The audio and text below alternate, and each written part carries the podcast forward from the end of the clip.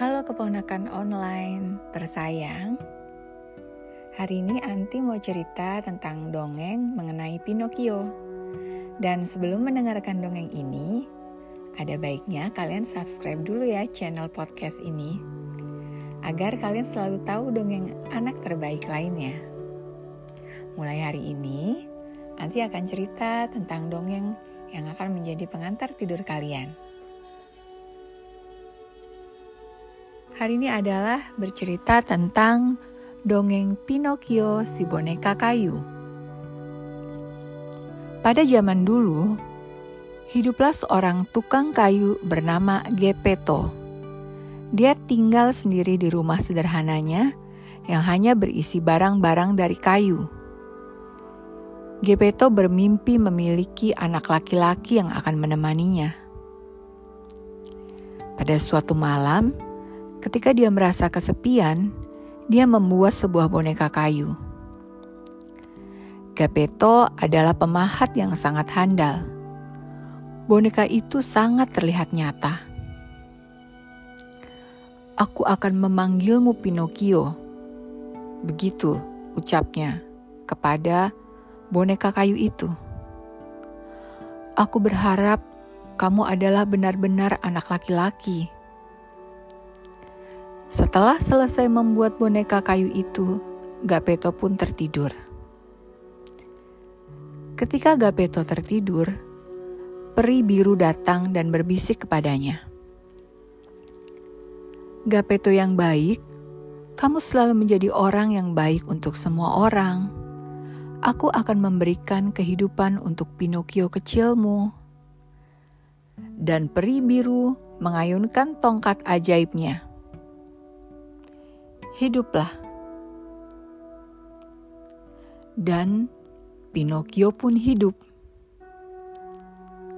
Lihat aku, aku bisa bicara, aku bisa berjalan, dan aku bisa menari. Ucap Pinocchio penuh semangat. Gapeto terbangun mendengar suara berisik di rumahnya. Ia terkejut. Dia menemukan bahwa mimpinya menjadi kenyataan boneka kayu anakmu.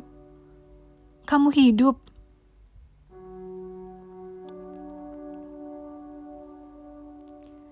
Gapeto sangat bahagia. Kemudian dia memeluk Pinocchio.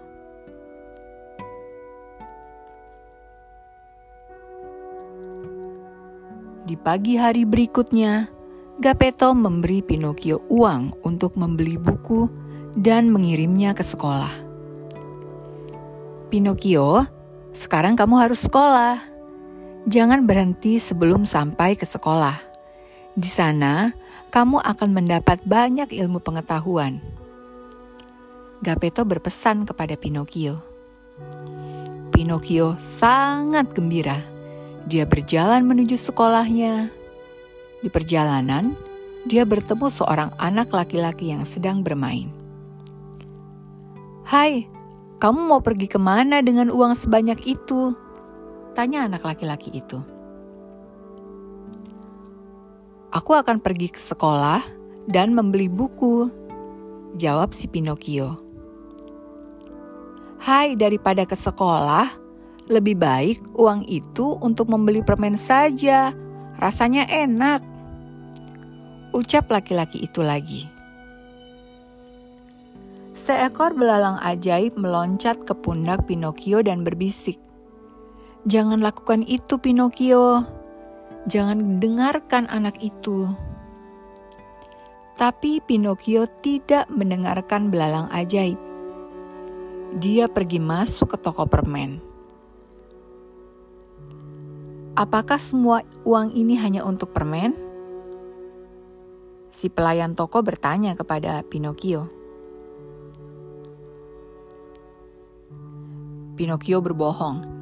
Dia bilang, "Iya, ayahku ingin aku membeli semua uang ini untuk permen." Tiba-tiba, hidung Pinocchio bertambah panjang. Pada saat Pinocchio keluar dari toko, si anak laki-laki dengan cepat mencuri semua permen dari Pinocchio dan melarikan diri. Pinocchio telah ditipu. Belalang ajaib bertemu Pinocchio kembali.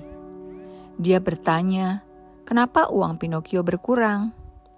Pinocchio menjawab, "Uangnya jatuh dan hilang." Pada saat Pinocchio berbohong kembali, hidungnya kembali memanjang.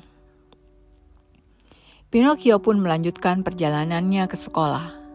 Di perjalanan dia bertemu dengan serigala dan seekor kucing. Mereka menegur Pinocchio. Hai, kami akan mengajak kamu ke sebuah pertunjukan boneka. Kami punya satu tiket untukmu. Harganya hanya lima koin. Lalu Pinocchio berpikir, itu adalah tawaran yang sangat menarik, dan dia memutuskan untuk ikut. Aku punya lima koin, Ayahku menyuruhku pergi ke pertunjukan yang menarik. Kata Pinocchio, berbohong untuk yang ketiga kalinya. Dan hidung Pinocchio pun kembali memanjang.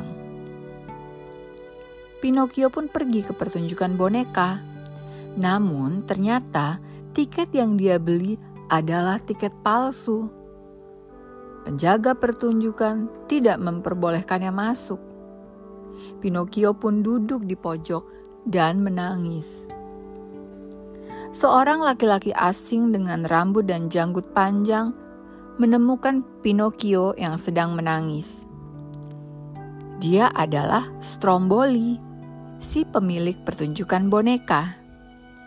Dia sangat terpesona saat melihat Pinocchio yang merupakan boneka hidup namun tidak memakai tali pengatur. Stromboli kemudian mengajak Pinocchio bergabung ke dalam pertunjukan. Pinocchio pun naik ke panggung. Dia menari dan menyanyi. Para penonton menyukai Pinocchio.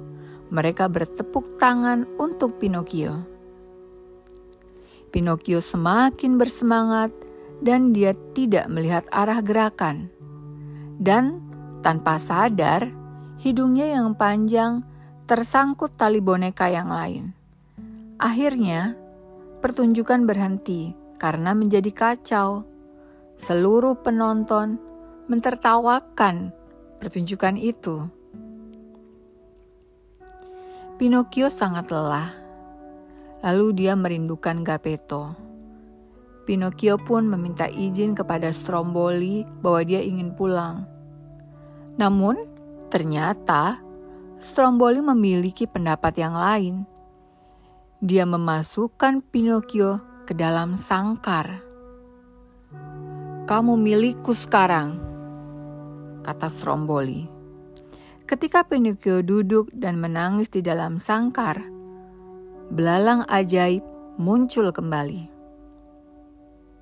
Dia berkata, "Lihat Pinocchio, jika kamu pergi ke sekolah, seperti apa yang diminta oleh Gepetto, pasti hal ini tidak akan pernah terjadi.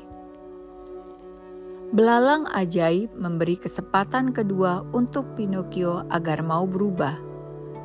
Dia cepat pergi ke rumah Gepetto dan memberitahunya apa yang telah terjadi pada Pinocchio. Segera, Gepetto pergi ke pertunjukan boneka dan menyelamatkan Pinocchio dari sangkar Stromboli. Pencuri, pencuri! Teriak Stromboli dan dia berlari mengejar Gapeto. Boneka itu milikku. Dia berteriak seperti itu. Pinocchio berpikir cepat. Dia membuat jebakan sehingga Stromboli jatuh menimpa kotak boneka. Brak! Pinocchio dan Gapeto pun bisa pergi melarikan diri Oh Pinocchio, kata Gepetto, lihatlah hidungmu. Itu yang akan terjadi jika kamu berbohong. Pinocchio sangat malu dan akhirnya memutuskan selalu berkata jujur. Dan dia pun menempati janjinya, sehingga hidungnya mengecil, mengecil, dan kembali seperti semula. Dan Akhirnya, karena Pinocchio mengetahui kesalahannya, dan berubah menjadi anak yang baik, peri biru memberi mantra sehingga Pinocchio menjadi anak laki-laki yang sesungguhnya. Gepetto dan Pinocchio pun hidup bahagia. Itulah cerita dari Gepetto dan Pinocchio. Jangan lupa subscribe channel dan dongeng cerita ini di podcast Anti ya. Jadi pesan moralnya adalah selalu menjadi anak yang jujur dan patuh kepada orang tua. Selamat malam dan selamat tidur sayang.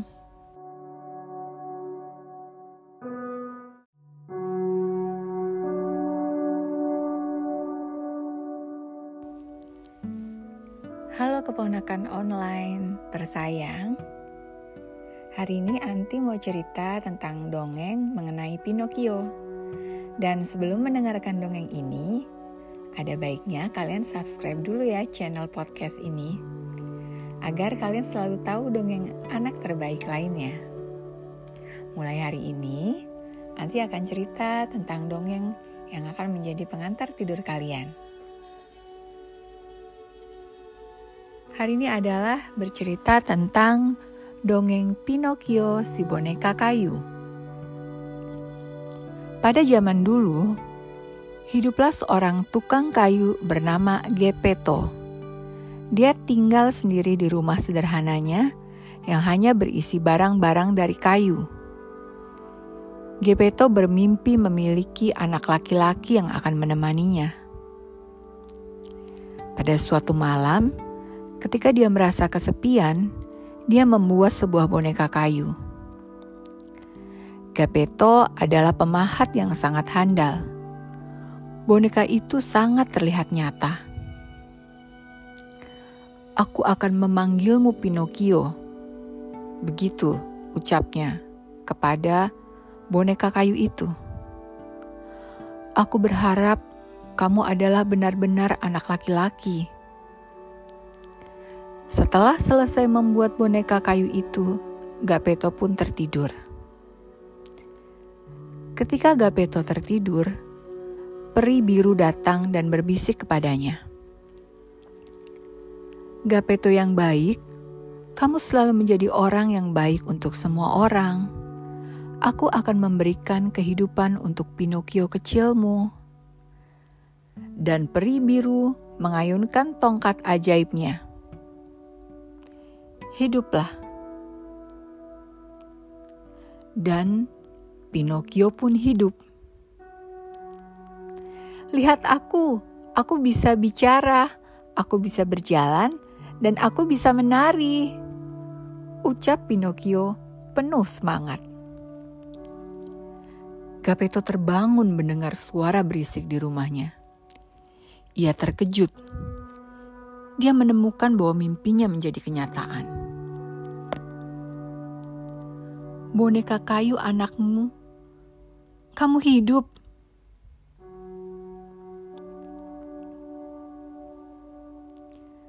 Gapeto sangat bahagia.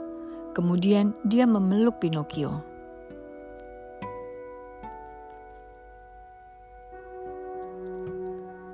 Di pagi hari berikutnya, Gapeto memberi Pinocchio uang untuk membeli buku dan mengirimnya ke sekolah.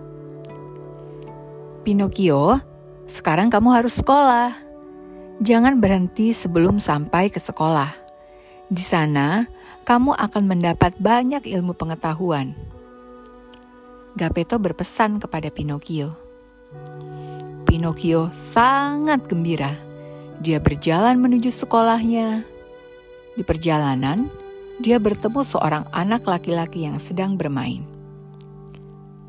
Hai, kamu mau pergi ke mana dengan uang sebanyak itu? Tanya anak laki-laki itu.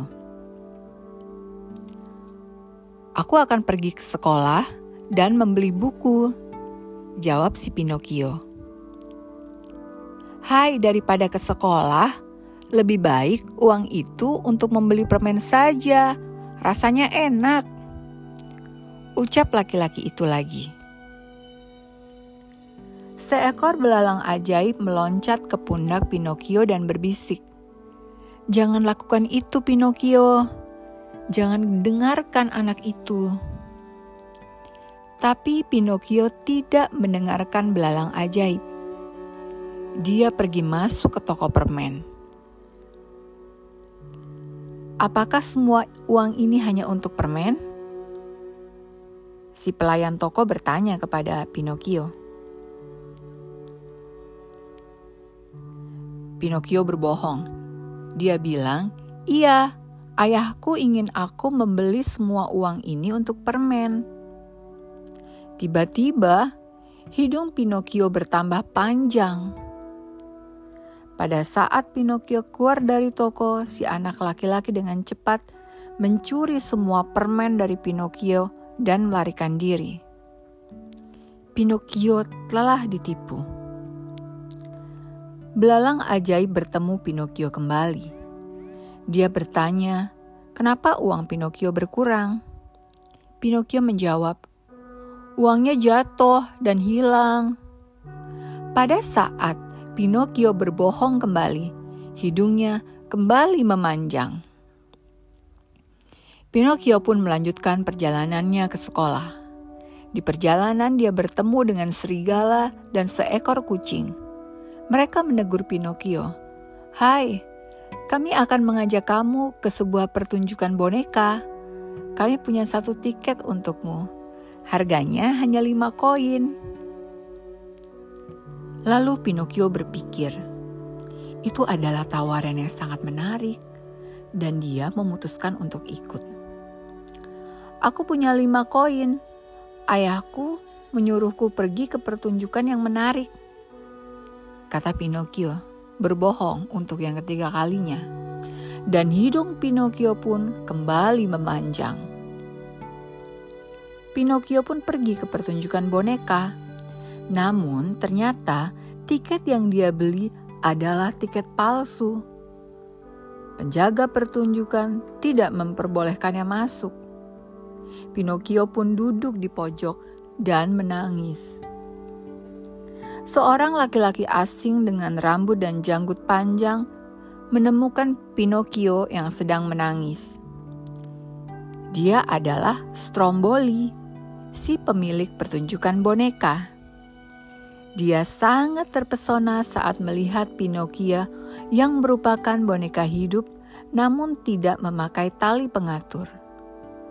Stromboli kemudian mengajak Pinocchio bergabung ke dalam pertunjukan. Pinocchio pun naik ke panggung. Dia menari dan menyanyi. Para penonton menyukai Pinocchio. Mereka bertepuk tangan untuk Pinocchio. Pinocchio semakin bersemangat dan dia tidak melihat arah gerakan. Dan tanpa sadar, hidungnya yang panjang tersangkut tali boneka yang lain. Akhirnya, pertunjukan berhenti karena menjadi kacau. Seluruh penonton mentertawakan pertunjukan itu. Pinocchio sangat lelah. Lalu dia merindukan Gepetto. Pinocchio pun meminta izin kepada Stromboli bahwa dia ingin pulang. Namun, ternyata Stromboli memiliki pendapat yang lain. Dia memasukkan Pinocchio ke dalam sangkar. Kamu milikku sekarang, kata Stromboli. Ketika Pinocchio duduk dan menangis di dalam sangkar, belalang ajaib muncul kembali. Dia berkata, "Lihat Pinocchio, jika kamu pergi ke sekolah seperti apa yang diminta oleh Gepetto, pasti hal ini tidak akan pernah terjadi." Belalang ajaib memberi kesempatan kedua untuk Pinocchio agar mau berubah. Dia cepat pergi ke rumah Gepetto dan memberitahunya apa yang telah terjadi pada Pinocchio. Segera, Gepetto pergi ke pertunjukan boneka dan menyelamatkan Pinocchio dari sangkar Stromboli. Pencuri, pencuri, teriak Stromboli dan dia berlari mengejar Gepetto boneka itu milikku. Dia berteriak seperti itu. Pinocchio berpikir cepat. Dia membuat jebakan sehingga stromboli jatuh menimpa kotak boneka. Brak! Pinocchio dan Gepetto pun bisa pergi melarikan diri. Oh Pinocchio, kata Gepetto, lihatlah hidungmu. Itu yang akan terjadi jika kamu berbohong.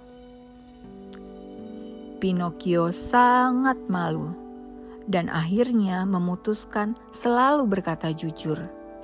Dan dia pun menempati janjinya, sehingga hidungnya mengecil, mengecil, dan kembali seperti semula.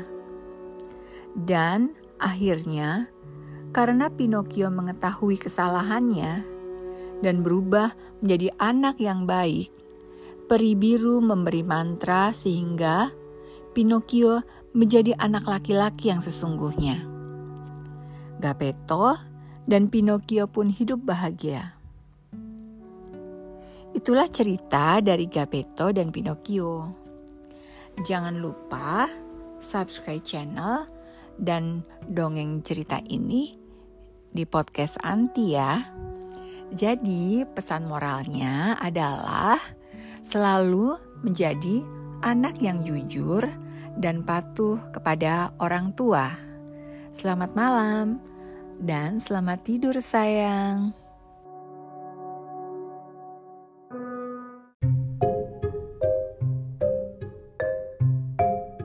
Selamat malam, anak-anak baik, dan juga keponakan online Onti. Ketemu lagi dengan Onti yang akan bacakan dongeng untuk kalian sebagai pengantar tidur. Sebelum mendengarkan cerita dongeng malam ini, ada baiknya kalian subscribe dulu ya podcast ini supaya kalian tidak ketinggalan dongeng-dongeng berikutnya. Kali ini Anti akan bercerita tentang dongeng yang berasal dari negeri Prancis, Beauty and the Beast, atau Si Cantik dan Si Buruk Rupa. Cerita ini sangat terkenal, bahkan sudah ada filmnya. Cerita Beauty and the Beast bercerita tentang seorang pedagang yang memiliki tiga putri yang sangat cantik. Putri yang bungsu sangat penyayang dan sederhana, namanya Bella. Sedangkan kedua kakaknya selalu meminta barang-barang yang mewah kepada ayahnya. Suatu hari, pedagang itu akan pergi ke kota. Ia pun berpamitan kepada tiga putrinya. Oleh-oleh apa yang kalian inginkan, anak-anakku yang cantik? Tanya pedagang itu. Aku ingin baju dan juga perhiasan yang mahal, Ayah. Kata si anak pertama. Begitupun dengan anak kedua. Ia menginginkan hal yang sama seperti kakak pertamanya. Bella hanya terdiam. Ia sebenarnya merasa kasihan dengan ayahnya. Ayahnya selalu bekerja keras untuk menghidupi ketiga anak-anaknya. Tetapi kedua kakaknya selalu meminta barang-barang yang mewah dari ayahnya. Lalu, ayah bertanya kepada Bella, "Apakah kamu mau baju mahal dan perhiasan juga, Bella?" Bella menggeleng. "Ayah, aku hanya ingin ayah kembali ke rumah lagi dengan selamat." Ayahnya tersenyum. Ia sungguh menyayangi Bella. Putri bungsunya itu memang berbeda karakter dari kedua kakaknya. Tetapi, sang ayah tetap meminta Bella untuk menyebutkan oleh-oleh yang dia inginkan. Akhirnya, Bella pun menjawab, "Baiklah, ayah. Jika ayah memaksa, aku meminta setangkai mawar." Sang ayah tersenyum mendengar jawaban Bella. Ia berjanji akan membawakan setangkai mawar untuk Bella. Lalu, sang ayah pun berangkat menuju kota hingga satu minggu lamanya. Setelah urusan di kota selesai, sang ayah segera pulang. Namun, dalam perjalanan ia tersesat. Pedagang itu sungguh bingung. Ia sama sekali tidak mengenal hutan yang ia lalui. Sampai akhirnya, sang ayah melihat kastil yang cukup besar. Ia pun menuju kastil tua itu. Sesampainya di kastil, sang ayah membuka pintu. Ia memanggil-manggil pemilik kastil. Namun, tidak ada seorang pun yang menjawabnya. Pedagang itu terus berjalan. Wah, dia melihat banyak sekali makanan di atas meja makan. Kebetulan sekali pedagang itu sedang kelaparan. Melihat makanan yang berlimpah ruah, ia pun langsung melahapnya. Dalam hati dia berkata kepada dirinya sendiri, "Ah, siapa pun penghuni kastil ini, pastilah ia orang yang sangat baik." Setelah kenyang, si ayah kembali berjalan. Kali ini dia menuju taman. Di sana ada banyak sekali bunga mawar yang mekar dengan indahnya. Ia pun teringat Bella putri bungsunya yang menginginkan setangkai mawar. Maka ia pun memetik beberapa tangkai mawar untuk dibawanya pulang. Hmm, mawar ini sungguh indah. Bella pasti akan suka. Saat dirinya hendak melangkah keluar, ia dicegah oleh makhluk buruk rupa yang sangat besar, seperti monster. Hai, kau telah mencuri mawar-mawarku. Kau harus membayarnya dengan tetap tinggal di sini sebagai pelayanku. Kata si buruk rupa itu kepada ayah Bella. Ayah Bella lalu menceritakan tentang Bella yang menginginkan mawar.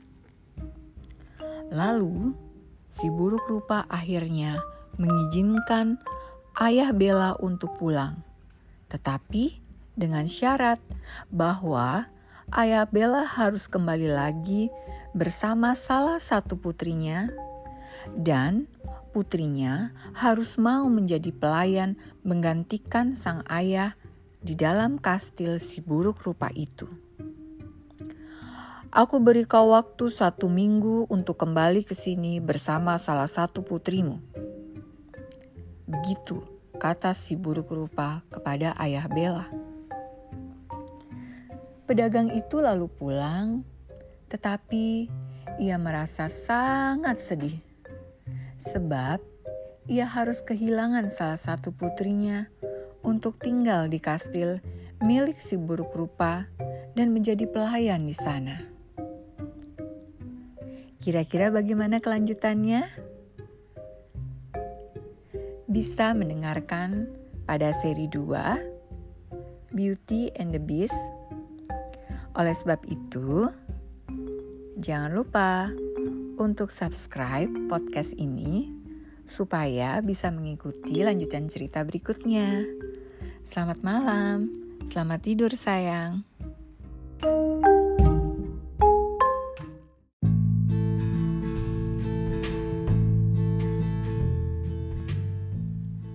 Halo, selamat malam anak-anak baik. Posting kali ini adalah lanjutan dari dongeng seri 1 dengan judul Beauty and the Beast. Buat anak-anak baik semua yang sekarang sedang dengerin podcast ini, dan belum dengerin seri satunya, kalian bisa langsung ya klik dengerin dulu, lalu lanjut ke seri 2 ini. Buat yang sudah nunggu seri 2 ini, kalian bisa langsung dengerin.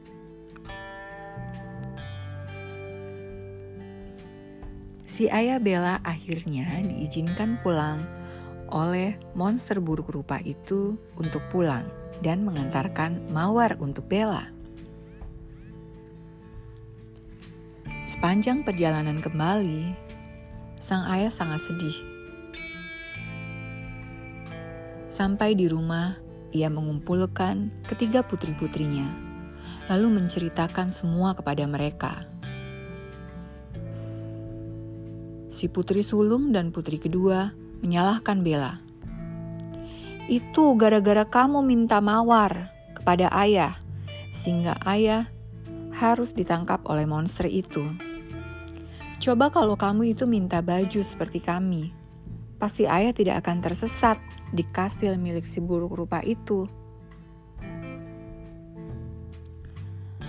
Aku sudah berjanji kepada si buruk rupa untuk membawa salah satu putriku ke sana untuk menggantikanku, kata ayah Bella. Tentu saja, putri sulung dan putri keduanya tidak mau menggantikan ayahnya. Sebaliknya dengan Bella, ia ikhlas dan mau menggantikan ayahnya.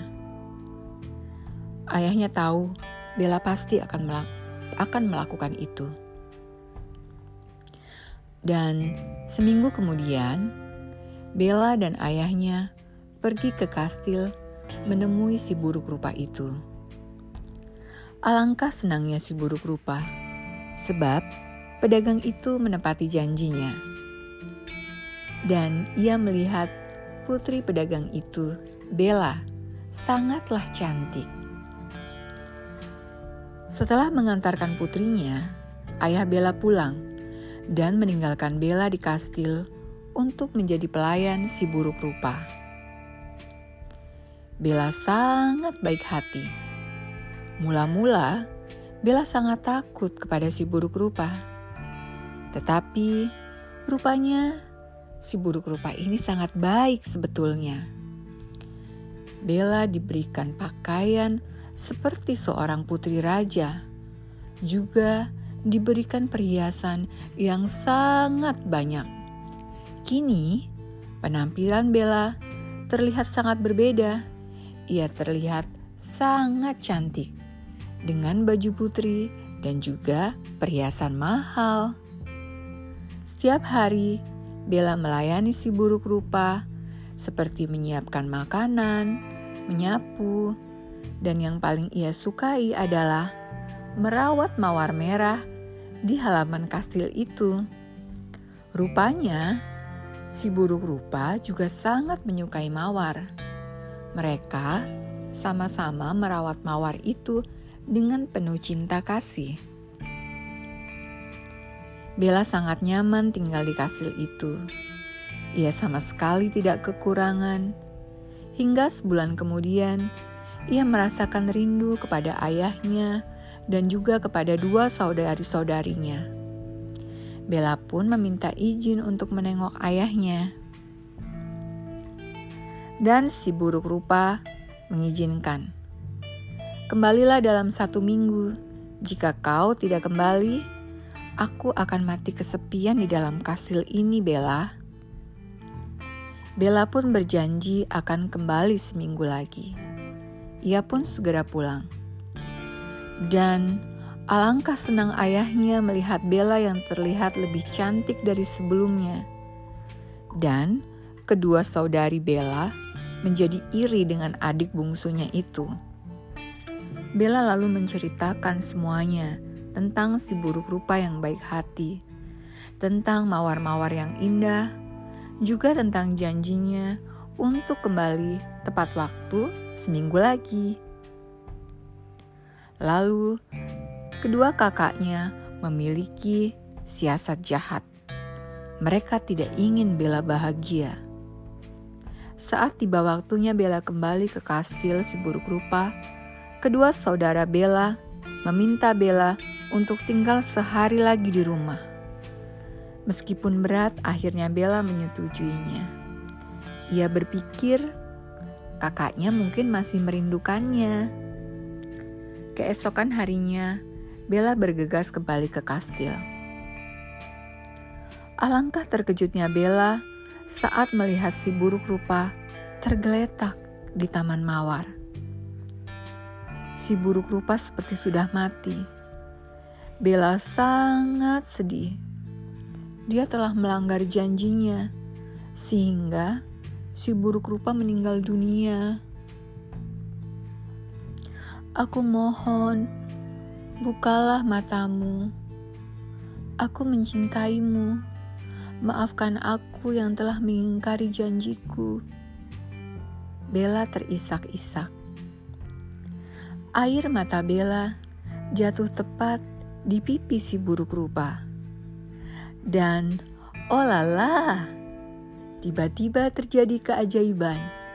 Si buruk rupa berubah menjadi pangeran yang sangat tampan. Bella sangat terkejut. Lalu, pangeran menjelaskan bahwa dirinya dikutuk oleh peri yang sangat jahat.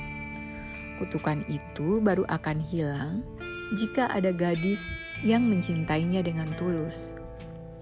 Akhirnya, pangeran pun menikah dengan Bella. Setelah menikah, Bella mengajak ayahnya dan kedua saudaranya tinggal di kastil. Akhirnya, mereka pun hidup bahagia selamanya. Nah, anak-anak baik, pesan moral dari cerita tentang legenda Beauty and the Beast ini adalah jadilah anak yang patuh dengan orang tua agar selalu menjadi anak yang beruntung. Demikian, selamat malam. Selamat tidur, sayang. thank you